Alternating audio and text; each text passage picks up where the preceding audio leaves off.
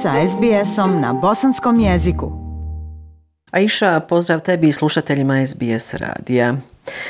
I ovdašnja, dakle, bosansko-hercegovačka javnost je sa velikom pažnjom pratila događaje u Afganistanu, odnosno e, događaje kada su talibani preuzeli vlast u toj zemlji. Ono što je bitno da su bosansko-hercegovački državljani koji su se nalazili poslom u Afganistanu e, evakuisani i to je nekako najvažnija vijest. Od ostalih događaja izdvojit ću požare koji su proteklih dana harali e, zemljom. E, najprije e, su požari bili evidentni u Hercegovini.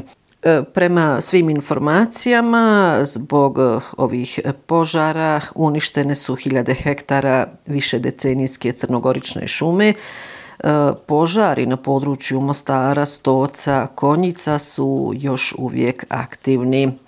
Zbog visokih temperatura i vjetra požari su se širili tokom protekle sedmice, odnosno prethodnih dana, velikom brzinom, a nepristupačan teren razlog je što vatrogasne i druge službe zaštite i spašavanja koje učestvuju u gašenju požara nisu u mogućnosti efikasno djelovati niti lokalizovati požare.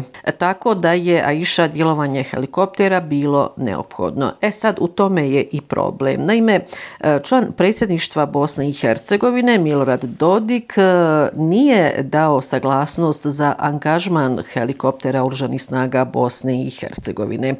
E, kao što je poznato, Milorad Dodik i ne učestvuje na sjednici predsjedništva Bosne i Hercegovine. E, Federacija Bosne i Hercegovine ne posjeduje vlastite helikoptere.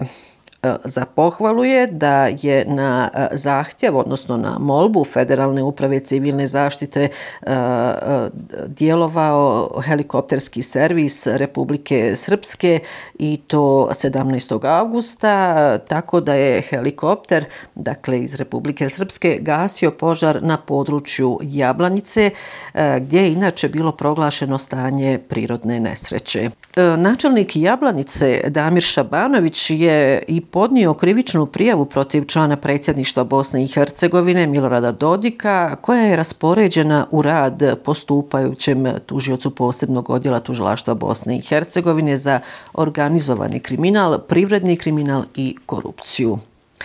Šabanović je prijavu protiv Dodika podnio zbog obstruiranja odluke za korištenje helikoptera oružanih snaga Bosne i Hercegovine za gašenje požara na području te općine. Prijava je zaprimljena, a podnesena je zbog krivičnog dijela zloupotrebe službenog položaja ili ovlaštenja iz člana 220 krivičnog zakona Bosne i Hercegovine, odnosno zbog nedavanja saglasnosti za angažman helikoptera za gašenje požara iznad Komadinovog vrela i visoravni plasa planina Čvrsnica. Navedeno je u saopćenju tužilaštva Bosne i Hercegovine. Semra, da li su ostali članovi predsjedništva Bosne i Hercegovine reagovali? Jesu li imali nadležnosti da naprave neku akciju i pored Dodikovog neučestvovanja u radu tog državnog tijela? Pa, eh, Aisha, nakon što su predsjedavajući eh, i član predsjedništva Bosne i Hercegovine Željko Komšić i Šefik Džaferović eh, pozvali i visokog predstavnika Međunarodne zajednice u Bosni i Hercegovini Kristijana Šmita da pomogne u gašenju požara u Hercegovini donošenjem odluke upotrebi helikoptera Uržanih snaga Bosne i Hercegovine, oglasili su se iz OHR-a u pisanim saopćenjem. Dakle, u tom saopćenju pitanju, između ostalog piše, visoki predstavnik očekuje od nadležnih domaćih institucija da djeluju u okviru svojih nadležnosti i odgovore na hitne potrebe lokalnih zajednica u područjima pogođenim požarima, naveli su iz Ureda visokog predstavnika Međunarodne zajednice u Bosni i Hercegovini. U prošlom javljanju Semra rekla si da je primjetan porast broja zaraženih delta varijantom koronavirusa. Kakva je epidemiološka situacija ove sedmice i da li su na snazi neke restriktivne mjere? E, Aisha, kada je riječ o epidemiološkoj situaciji, ona se posljednjih dana pogoršava, odnosno svakodnevno raste broj zaraženih koronavirusom. E, još uvijek nema strožih mjera i mnogi pretpostavljaju da će upravo nakon što Sarajevo Film Festival završi, da će krizni štabovi u entitetima donijeti nove e, oštrije mjere. Umeđu u međuvremenu svi epidemiolozi, doktori, dakle ljekari, stručnjaci i dalje apeluju na građane e, da se e, vakcinišu jer sada ima dovoljno vakcina. Prije svega e, su ovdje vakcine AstraZeneca, Sinopharm i nešto manje je Pfizera i Sputnika V. Jeste, mi ovdje u Viktoriji Novom Južnom Velsu već duži period živimo pod strogim restriktivnim mjerama, a život u Sarajevu buja, pogotovo sada u vrijeme trajanja Sarajevo Film Festivala. A kada govorimo o Sarajevo Film Festivalu, moram reći da je legendarni Bono Vox 15 e, avgusta ponovo bio u glavnom gradu u Bosni i Hercegovini, dakle u Sarajevu.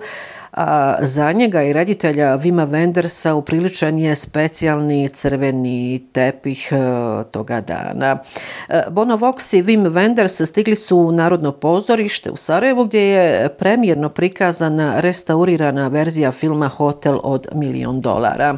Bono Vox i njegova grupa U2 dokazani su prijatelji Bosne i Hercegovine.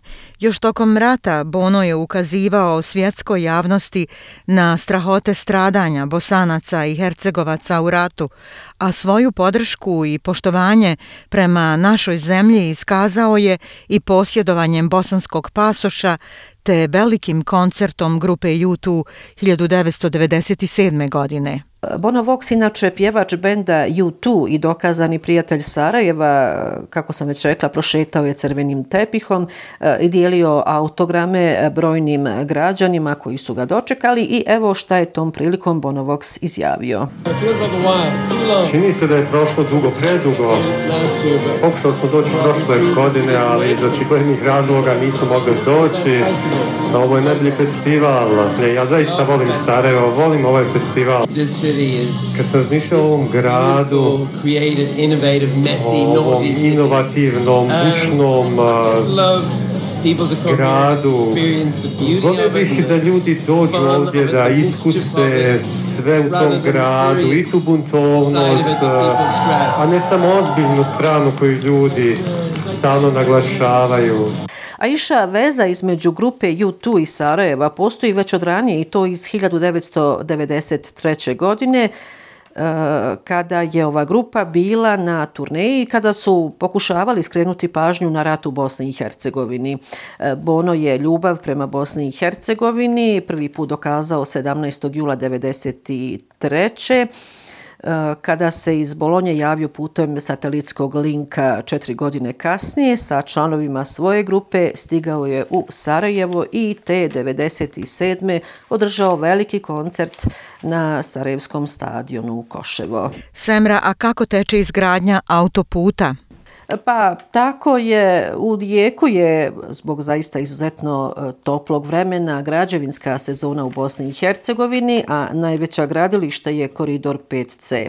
Trenutno su u izgradnji dionice Poprikuše Nemila, Vranduk Ponirak, Ponirak Vraca, Tarčin Ivan, Tunel Ivan, E, Buna Počitelj i Počitelj Zvirovići. Predviđeni rokovi za završetak su različiti od ljeta 2022. do 2024. godine.